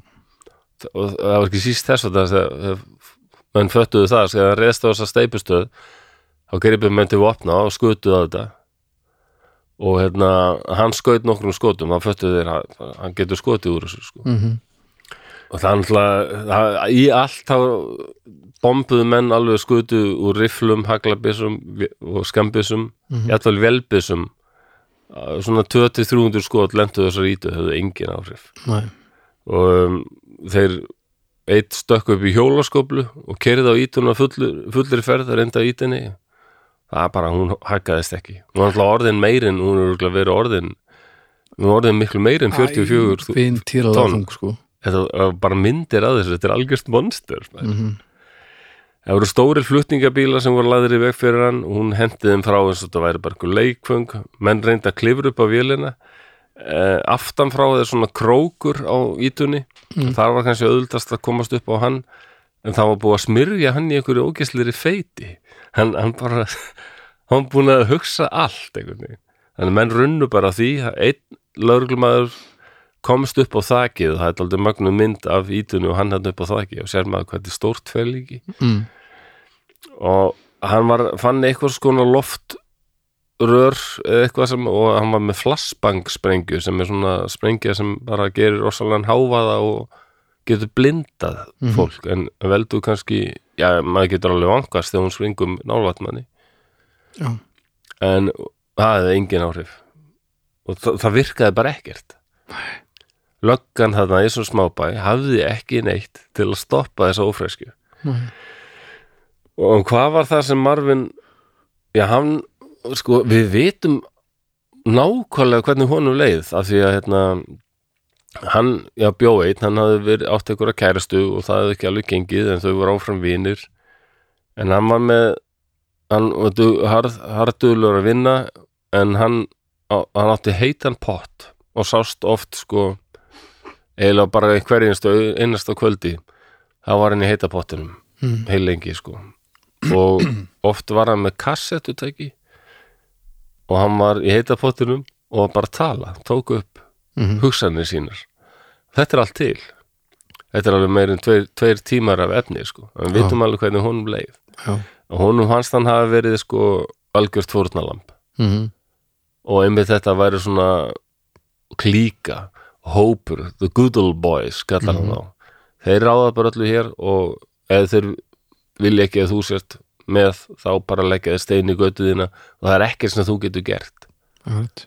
og ég held að þetta tread sem traðka sé bæði kannski komið af að hún fannst bara að það væri traðkað á sér en kannski líka þessu ameríska don't tread on me sem er svona rosalegt svona frontier mentality oft kallað sko, Já, hérna, já. bara eins og það er þarna mynd af skröldormi sko, sem að traðkaði ekki á mér sko. Já, já, já, og skörltormur stendur fyrir sér satt, sko, þetta er bara mitt svæði. Og þú reynir að trafka á mér þá færð að finna fyrir því. Þetta er eitthvað svo stert í amerískri þjóðar sá, já, já. og sérstaklega þeim sem hata svona afskipti stjórnvalda og svo þess En mann finnst mjög stoltið magna sko þetta að tengja allir við að að vinnast einhver hafa svona gengið á sinn rétt. Já, og þá fær maður tíu mínútur að það sem maður er fannin að byggja hluti sko. bara, já, ég ætla hann aldrei að taka hérna loftpressu og tengja hann við skópluna svo ég geti nú aldrei slamið þennan í hausinn eins og aldrei fyrir eitthvað svona. Já, svo líður svo líður kortir já, þá er maður orðin aðeins svona rólegri kannski og bara svona, neða, kannski að, maður bara afpandar loftpressuna og, og bara svona slakan aðeins á. Mm ekki hann, nei. Tvö ár, sagður þetta verið tvö ár já, hann var greinlega búin að ákveða þetta bara fyrir löngu. Það er svo magnað að ná að viðhalda þessari yfirgenglu gremju í tvö fucking ár sko. já, það er, já, það er rosalegt. Þá djöfull ertu orðin pyrraður Já, ég fór og uh, googlaði daldið bara líka reyði og svona gremju svona langar þetta og þetta er oft náttúrulega talið reyði er svo oft táknum vannmátt sko. Já, þér finnst þú ekki að hafa stjórn á aðstæðum sko. Já, og verður maður reyður og ringlaður og bara en tvö ár. Já, þetta er, þetta er, er svakalegt, dálítið sko. ótrúlegt og, og hérna klikkað sko. En líka út af því, já samt þetta var bara vennulegu maður. Hvað já, og það er hann átt alveg vinið þarna. Það er menn sem tala vel um hann bara frábær kall. Já, en það heyrist alveg á þessum upptökum hans og hann var búinn að gera lista yfir vonda fólkið Já. það átti að fá að kenna því já, já, já. og það voru til dæmis þessi eigendur steipustöðurinnar og hérna, bæjarstjórnarhúsið Mm og hann fer bara á þessari ítu hann rústar þessari steipustöð -hmm. og það við Íslendingar hugsun kannski sko hérna, þú fer ekkert svo öðlega á jarðítu og ætla bara að keiri eitthvað hús niður en hús á Íslandi er svo sterkbyggð mm. Í bandarækjum er þetta oft þetta er miklu lettar eitthvað nefnd þetta er miklu meira bara tré og hús er ekkit, það er öðru vísi þannig hann átti maður sér það bara á myndum sko, ítan kemur hann á hornið okkur húsi, þetta bara fer allt í klessu sko. Já, Hann rústaði þessari steipustöð. Hann fer síðan að bæjastjórnarhúsinu, mm gjör eigðilegur það. -hmm. Því næst heldur hann að skrifstofum bæjarblaðsins, Mm rústar því húsi, -hmm. Og svo var einhver dómari sem hann taldi hefði gert sér óleik Mm. en hann var nú reynda dáin en ekki hann hans ekki hann hans bjó hann einhvers þar hann fór og eðalegi það heimili Mm. eh, hann hataði gaurinn sem átti aðal byggingavöru Veslum bæjarins Já. út af einhverju og fór og rústaði þeirri og svo var einhver heimili sem fengur líka að kenna á því og þetta, þetta var eiginlega allt á einhvern hátt tengt hans málaferlum og því fólki sem hann fannst að vera á móti sér. Þannig að hann eiginlega ekkert sem var bara svona random eitthvað? Nei, þetta var skipulagt sko. Já, og hann alltaf rústa katholsku kirkjunni í bænum líka en hann náði því ekki. Og um, þetta tók allt þetta tók svona tvær klukkustundur og sjö mínútur nákvæmlega. Já, og lögurlega var alveg hjálparlaus sko. Og uh, ríkistjórin í Colorado honum var gert viðvart. Og hann var komin að því og það var eiginlega byrjað að ræsa þjóðvar, þjóðvarð liðið mm, og var eiginlega bara að vera að spá í að þyrfti bara að koma öllum íbúum úr bænum og ráðast á þessar þyrlu bara senda eina eða tvær Apache þyrlur bara sem myndu bara skjóta flugskeitum þetta. bara.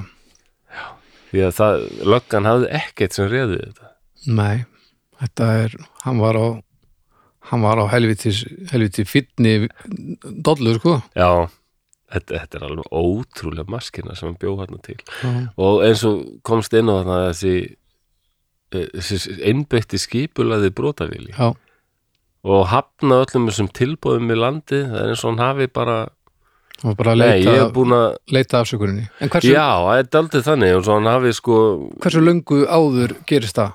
Það, það var alveg hafði staðið yfir í ykkur tíu ár sko. Já, já, alveg heil lengi. Ok, en hann hann segir mikið þarna, að sko hann að, að lokum var bara búið að íta honum út í eitthvað horn.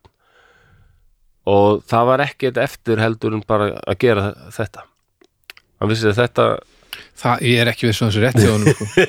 nei, að það, það er eiginlega pottið að sé eitthvað eftir annað en að Já, hann, hann sá það ekki, hann var sko, einmitt reyði og bitur. Þetta byggist upp meira og meira og meira og hérna, hann svo safærður og svo er hann, hann tala mikið um Guð, hann fann það líka. Hann, hann sagði það að hann gerði ekkit mikið til að fela það að hann var að byggja þessu ófresku Næ, og hérna, guð. og ef hann hefur gripinn Já. þá bara var það Guðsvili og já, ég átti ekki ekki að gera, gera þetta en hann fann það stert að Guð var bara að segja honum þetta áttu að gera, þú áttu að standa með sjálfu þér Marvin hættu þessu rugli Já, þarna var Guð kom sterkur, hann tala mikið um það sko. Akkur ætla hann að fara hann finnur það að Guði með honum sko. hann að Guð er ekki kathólski Nei, greinilega ekki, að hún maður ekki, fund, ekki pínum vandræðilegt þetta hann hafi ekki náða að jafna það hann niður af því að Guð sér um sína. Þannig að hann er að trúa réttan Guðmaður. Helvítsvesið en hann og hann, sumir hafa verið að benda á sko, já, hann er samt bara hetja. Hann bara stóð upp í hárun á þessu liði sem var að reyna að tróða niður og hann drap engan. Mm.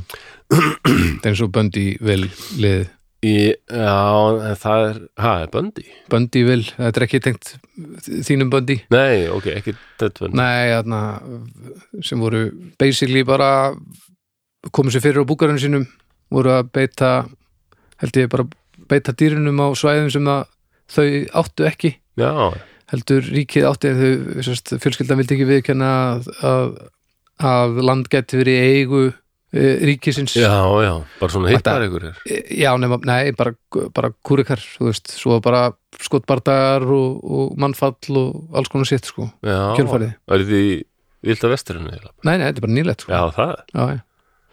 Vá, ok, ég eitthvað því, ég man ekki eftir að það. Böndi vil. Böndi vil, það er minnst að hlaðarserið sem hittir minni með Böndi vil um þetta, nákvæmlega. En, en eins og Waco, það er nú fínir sjónvarsættur, Nákvæmlega, það, það sumir það bent á að þetta fólk var ekki að gera neinum neitt. Nei, nema hann hann var náttúrulega að barna uh, konur sem voru á barsaldri Já, en það er allir sammála um það að aðgerðir yfirvalda í Veiko voru svo, þetta var svo galið sko. já, þær fóru alveg böndunum. Nei, þetta var svo já, stjartfræðilega gufuruglað sko. já, já, þegar hún mætir mér skritir eitthvað að jarða niður hús og sendi inn alls konar sitt og, og svo kviknar á endanum í öllu saman og búið með fullt hús af, af fólki og, og Já, börnum. Já, og börnum og svona, þetta var alveg en það var þetta var, þetta var rosa klúður hjá FBI og já. bara stjórnvöldum. Þarna vatna á millu þeirra sem segja bara algjörlega. láta fólki í friði. Ef eitthvað lið vil verið skrýtnum fötum eins og amis fólki eitthvað, bara þau vilja lifa sínum lífi bara leifa þeim það. En það he- hefur svona verið meiri varkárni aðgerðum eftir þetta því að, svona bakslægi var svo var það og sem er allt í lægi með að þetta var fáránlegt sko. Já, já. En hann, og Marvin hefur líka orðið aldrei hetja í augum þessa, þessa, hó, þessa hópa en hann lést ekki neitt en, en það er flesti segja að það er ekki út af því að hann var virkilega að reyna að forðast það. Nei, Það er aðalega bara snöggu viðbröð sko, því í mörgum byggingana var fólk já, ekki að dómaras var heima sko. en þeir voru svo fljótir að leggja saman 2 og 2 hann, rústar þessar já. steipustöð og Mm. alveg við vitum alveg hvað, hvað Marvin er að fara að gera sko. mm, það vissu allir þessum málaferlum vissu allir bæjarstjórnar húsið í hættu hann á, hann hataði guðrin, hataði bæjarblæðið mm, þannig að þeir vissu alveg hvaða lið væri líklega á hans döðalista já, já, já, og og það var til dæmis kór sem var að, barnakór sem var að æfa sig í einu húsinu sko, og það bara voru snögg viðbröð Mhm. að koma öllum burt. Já, já. og svo reyndi hann líka að skjóta á hérna, stóran fluttingabíl sem var fullur af própangasi já. Já, ef, ef hann hefði sprungið sko, það hefði nú alveg getað.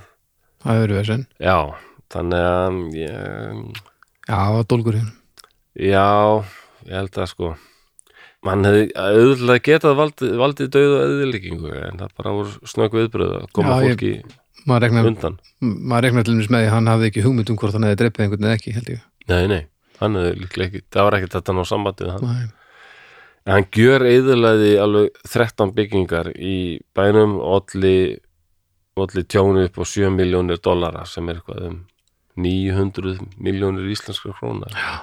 Já, þetta er næstu rétt miljardur tæpur milljarður. Þetta er næstu miljardar einn og rúndur rétt tæpur milljarður í Já, það er ekkert smáraðis Nei. fyrir svona lítið þorp sko. Svo erum við að grenja við gurnum á steipubílum minna Já, pældi því. Já, þetta er svakalegt sko. Já, en Ítan sem sagt fer inn í þessa verslun og hann bara tætir hana sko. Líklega vissi hann ekki af því að það var kjallari þarna undir, það var holrými. Þannig að þegar hann keirir inn í hana hann nú hafði þann háttir á að hann keirir sko, oft- oft á hornin á húsinu Mhm. og keirir bara svona utan í hliðina og, og tætir bara hliðina. Og þá svona fellur húsið sjálft yfirleitt sko, Mhm. rýfur hliðina bara. Þannig að annað skriðbeltið er svona inn í inn í sko húsagrunninum eða inn, inn, inn fyrir og, og, hann, og það festist það, hann keirir ofan í hennar kjallara þetta, Mhm. og þá er skriðbeltið fast þar og hann bara er fastur, getur ekkit gert þá er hann búin að vera í tvær klukkustundur og sjö mínútur Mm. og það er bara dauða þögn og, og fólk reyn, menn reynir eitthvað að kalla þarna á sambandi, það er ekkert svar sko þú er enginn alveg að koma staða því að það er, ég veit að hann er með byssu þarna og Mhm. hann var með tvo rifla og eina svona svona, svona semi-automatic sem getur víst fungerað daldið eins og vélbyssa, skils mér. Ok, Sk- sem sagt, hann getur haldið niður gikkinum og koma mörg skot í einu. já, já, en svo það heyrðist bara eitt skotkvellur já. þá grunaði það og bara ja, hann er og kom, þeir loksins komu að hérna og bönguðu á og það er engi, það var já, bara döða þögn, grunaði að hann var í dáin sko, þá var bara að reyna að komast inn í vilina, Mhm. þeir urðu sér út um sprengiefni það virkaði ekki. Nei. þetta var svo þykk brinnvörn og bara steipa og stál, þetta var alveg bara endan það þurftu þeir sko rosar lóksuðutæki til að sjóða þetta stál burt berja steipuna frá einhvern veginn. Mm. það tók heilangan tíma. Og, na, inn í stýrishúsi og þá var hann búinn að skjóta sig í höfuðu bara. þannig endaði það maður. Og var ekkert þetta veist, var hann sérst búin að festa brinnvörnina eftir að hann var búin að slaka henni yfir? Já, það virðist vera þannig. Að, að telja hann hafi einhvern veginn verið búin að hvort það hafi verið krani sem nákvæmlega bara leta hann að síga og hann hoppaði inn í inn í ítuna bara sett hann í gang og svo hoppaði hann inn í ítuna og krannin let brinnurðin að síga. Já, en það er semst ekki verið að hægta liftinni upp aftur með öðrum grann Nei, myndi ég hugsaði með það, en það verðist ekki vera sko. Þannig við festið eitthvað. Það hlýtur að vera, hann, hann bara mjög mikil hægleiksmaður og völundur sko. Já, það er engin spurning. Og en svo var þetta alltaf ógeðslega þungt. Já, um, og Ítan hún var öll tekin í sundur já, og bara eðurlöð og að því að fólk var rætt um að einhverju svona súvenýr minja greipa safnarar myndu koma þarna og þetta, hann er ykkur þjóðþeitja og svona. Já, já, en í myndinu til þess viðtalið þó bræður sem hann, sem Marvin hataði út af lífinu þegar þeir voru svona bara aðalgæðinir bænum sem bara mjög ríkir. Mm, harðdauðleir og áttuðu mitt eitthvað fyrirtæki Mm. sem var svona eitthvað skonar námu fyrirtæki eitthvað svo liðs já, það skiptir ekki öllum máli. Ok. En þeir voru þeir nutu velgengni og ég hef alltaf á tilfinningu að Marvin hafi fundist eins og hann ætti að njóta meiri velgengni en hann gerði. Já. sem var nú samt alveg eitthvað sko. Menn þessi hljóðkúta búðans hún gekk alveg ágætlega. Já, og, og manni sýnist öllu að hann hefði alveg getað samið já, um þetta allt saman og hérna til dæmis þetta frárensli spull sko. Mhm. Um, Er þetta ekki bara dæmigert, vill ekki vera partur af vandamálinu? þeir sem vildu kaupa landin sko, þeir, þeir buðust líka til að hérna, þeir höfðu vist buðist bóðist fyrst til sko hérna að því að hann var svo rosalega mótið því og, og hann talaði árum saman sko var að mættur alla bæjar á svundi og hverta Mm. og þeir buðu honum vist sko að hérna að hann höfðaði mál á hendur þeim líka sko, og tapaði því Ok, en þeir, þeir steipustöðu að kalla þeir buðu honum sko, ef þú letur málið niður falla og skulum við hérna hjálpa þér með þessi frárenslismál bara láttu hættu sem málasóknum mm, við fáum að byggja þessi steipustöðu og hættu sem málasóknum og við skulum aðstóði með þetta frár- frárenslis mm. dæmi Já.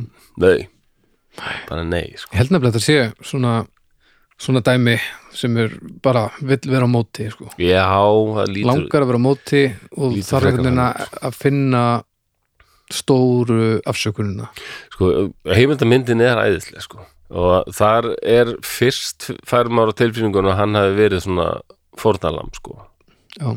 Er svona vinir hans sem aldrei standa með honum og svona og, já, já, og s- sumir sem taka undir, jú, jú, það er alveg svona klíka hérna og svona, já, já eins og bara allstaðar já, já en, en svo er farið að skoða þetta nánar. Þá, þá bara tölutna talað aldrei sínu máli og, hérna, og, og meir þess að segja eins og eitt vinnur hans sagði ég held bara, eitt besti vinnur að segja hérna, ég held að málið sé bara það að Marvin var búin að vera aleitt of mikið.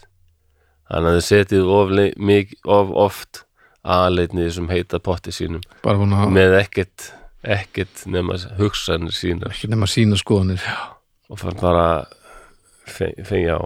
Bara búin að En- aðeins búin að en- ofugsa þetta. en það var semst viðtalið þess að tvo hérna bræður sem eru greinilega svona það eru margar svona típur hérna á Íslandi sem bara svona harduglegir kallar mm, og, og eru ríkir njóta velginni og, og þeir gætur rauninni sko bara þyrfti ekki að vera að vinna sjálfur fyrirtekinu geta alveg ráðið fólk bara og þeir bara þyrfti ekki að gera. Mm. þeir gera það ekki ja, þetta er bara svona típur sem bara mættar vinnur klukka sjö sko og bara, þeir bara vinna líka.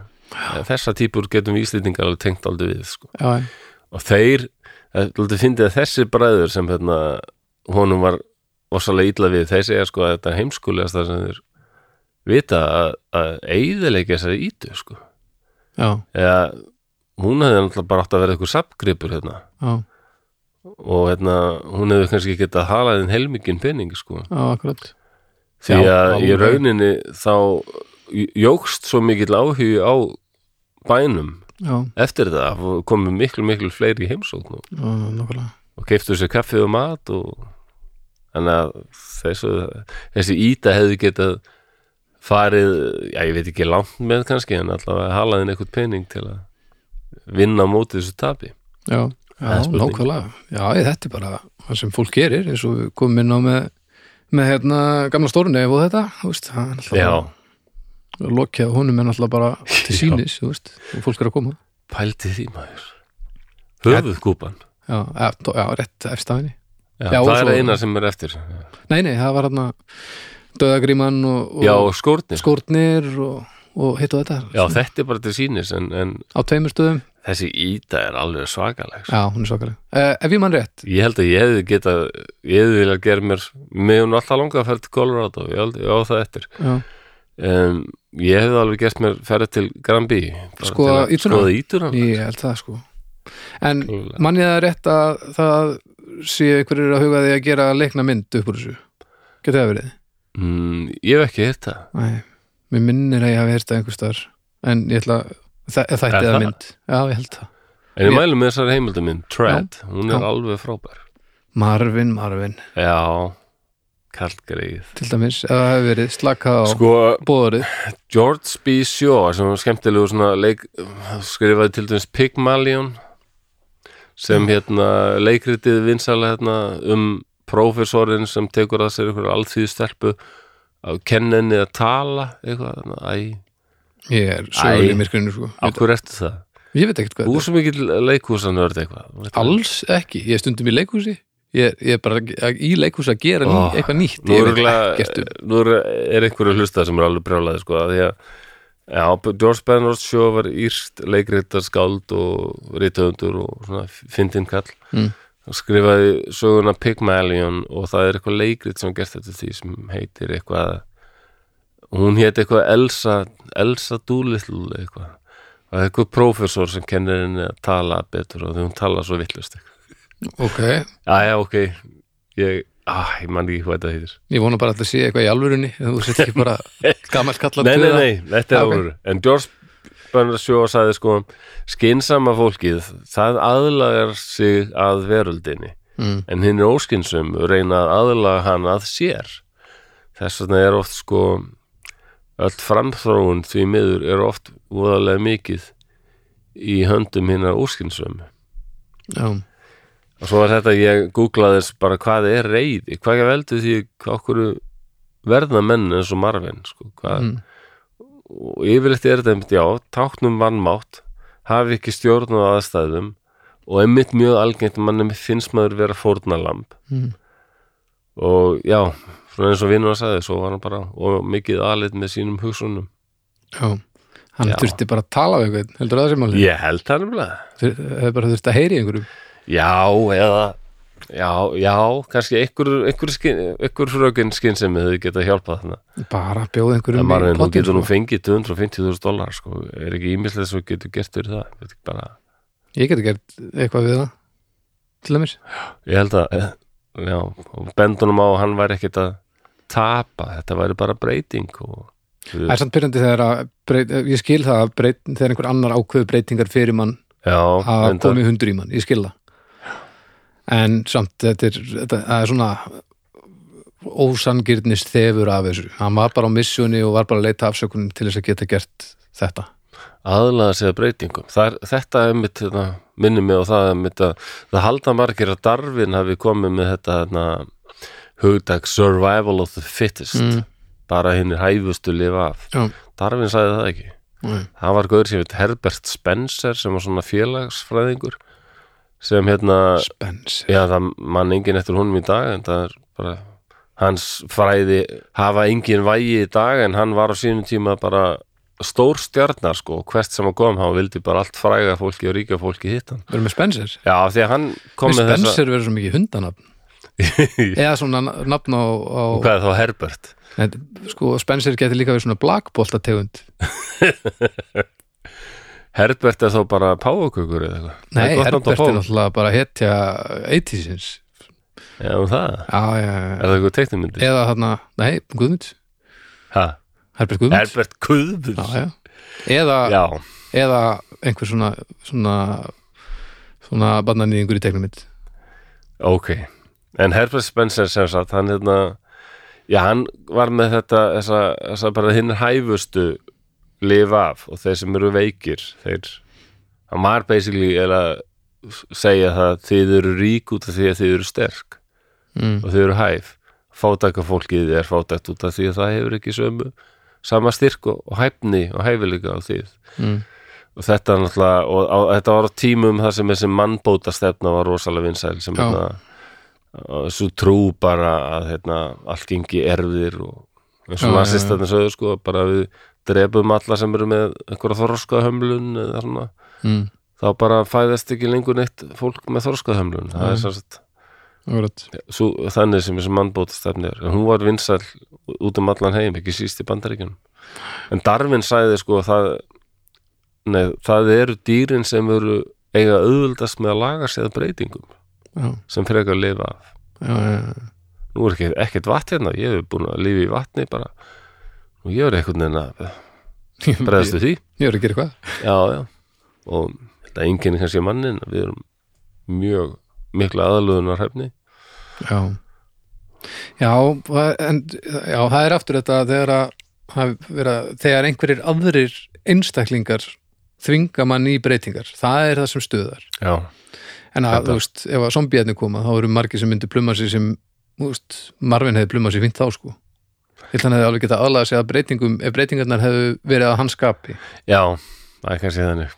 Jú, jú, klálega honum var margt til listalegt en þetta er bara alveg þetta máli er svo brjálaðislegt eitthvað og er mm.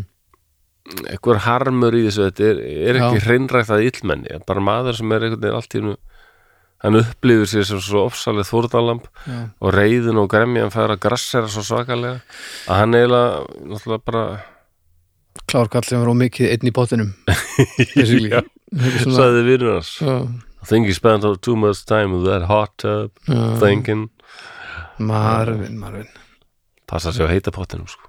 Já, og það er nú, ég ætla aldrei að komast fram á rúmunu í morgun, ég ætla að var hálftíma setna að hitta þig já, já og þetta er í annað skipti sko, ég gæðir fór í bað og, og ég notaði nýju flöguðnar sem við kiptum Nýju hvað? magnesium Ha, ég kipti svona mag Æ, ok, ég kipti svona magnesium flögur. Flögur? Í eða í bara svona snakkboka ókvöð já, það líka við sko og það er líka eitthvað svona kamila og eitthvað svona, svona æðislegt, svona Já. mineral. Þannig að þú lætur henni í bað og svo heldur maður svona flögum úti já, og það, það þetta er svona mineral bað með svona kamomil og svona þetta á að maður slaka alveg sérstaklega á. Já, var kósi kósi kvöld til að flosa í gæðir já, já, það var það. Steinefni og stemmari. Já, svo fór ég bara beint í rúmið og ég bara mann ekki meira, mann eitthvað eftir að þú ringdir eitthvað og hérna Í morgun Svo er alltaf eitthvað undarlega hljóð sem ég áttaði mikið á hvað var. Það var þetta vekerinn og Já, útvarpið og allt komið í gang. og ég var bara eins og ég væri 870 kíló, sko. Já, Ég var bara að, nei. þú varst, þú varst nokkuð restið þú komst hérna Já, me- ég var ekkert þungur þannig, sko. Það var Ég steinefna, bara- þetta var bara steinefna eitthvað- baðið sem Já, það skilur ég sig held Magnesíum Ég held að. Já, Já, Ég þú bara segir fekk hérna svo, svakalegan djúpsvefn. Er þetta flögur, segir Já, okkur er magnesím. Já, þetta er svona hvítar flögur. Það hendur bara í baði Já, það kostaði alveg heilmikið pening. Hvernig heldur að gera eitthvað fyrir mann ef maður fer í bara Doritos bað Nei, það, ég, bara- ég held að það... bara bláum Doritos í baði Já. vakna daginn eftir allt, allt logandi öll, öll gutt alveg logandi Þú segir nokkuð. Já, ég var til að prófi að fara í gott lakrísbað. Lakrísbað, Já, nei, lakrís á ekki verið vökaformi, punktur Nei, líklega ekki. ekki ít yfir, Já, já. þetta var nú þetta. þetta áhugavert mál já, er það ekki? Jú, þetta er ef, ég, ég man bara þegar ég heyrði þessu fyrst ég varð að kynna mér þetta betur sko Já, þetta er svo yfirgengilegt það, ég var búin að gleyfa þessu, það var ekki fyrir en ég sá þessa mynd bara á net- Netflix, sko. Já, ég var að teka það Maður búldur sig, jú, ég hef eitthvað heyrt um þetta. Svo bara, ég sagði bara, já, það horfa nú ekki allir á Net- Netflix, þannig að þetta er alveg efni í drauga þátt.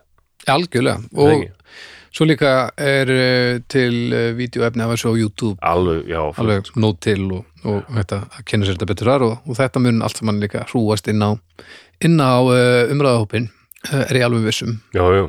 Herðu, Já, þetta var, þetta var bara dásanlegt uh, við viljum þakka Bríó og Borg Brukhúsi fyrir uh, að standa í þessu með okkur endilega prófið hérna Wheat Ale Já, bríó vítelin í Við hví- skulum. svona hvít, hvítum umbúðum guttfallegar Ipa. umbúður eins og nú reyndar djúvill mann borg eiga það það Já. lúkkar hjá þeim Æ, Já, ég fíla það ég fíla, og ég býð bara spenntur eftir frá borg hérna einhverjum svona dökkum og fengum Mm. bjór sem heitir draugur eða eitthvað Já. djáknin djáknin já. Þeir, já, það væri eitthvað sko. Eh, en við þökkum allavega, já þökkum bríó og, og, og borg kærlega fyrir að, að gera þetta með okkur. Og Já. við viljum minna hlugkirkjuna það eru dómstafur, það er kokkarlaki eirun, það er við fólk besta platan og nei, hættu nú alveg. Fyrir utan draugafortíðar sem þú er að lusta núna. Já, þetta, þetta er gott er já, algjörlega. Allir ætti að finna eitthvað við sitt það Ertu með einhver heilræði svona lokum áður en við hættum þessu? Heilræði. Já, eitthvað svona eh, lifið í lukku en ekki í krukku nema ekki alveg það ömulögt uh, Nei, engin heilræði. Nei. Bara uh, ekki frekar en þetta bara heilræði George Bernard Shaw, mér finnst það ágætt sko. Reynda aðlaði að aðstæðum en kannski ekki alltaf bastlaði því að láta aðlaga aðstæðunar að þér. Já, já, mér finnst það alltaf gott en ég, ég var óvinnu lítið með fimmura brandari þessum þætti og það er kannski út af því að ég hérna er eiginlega farin að ég, sko eftir síðasta ég kýtti hann umræðhópin eftir síðasta þátt og ég fekk bara sjokk hvað margir voru að eh, segja bara hérna ó, ég bara uh, elska þessa fimmura brandara. Þá fór ég að finna rosalega pressu. Já, já. Og ég, uh, ég bara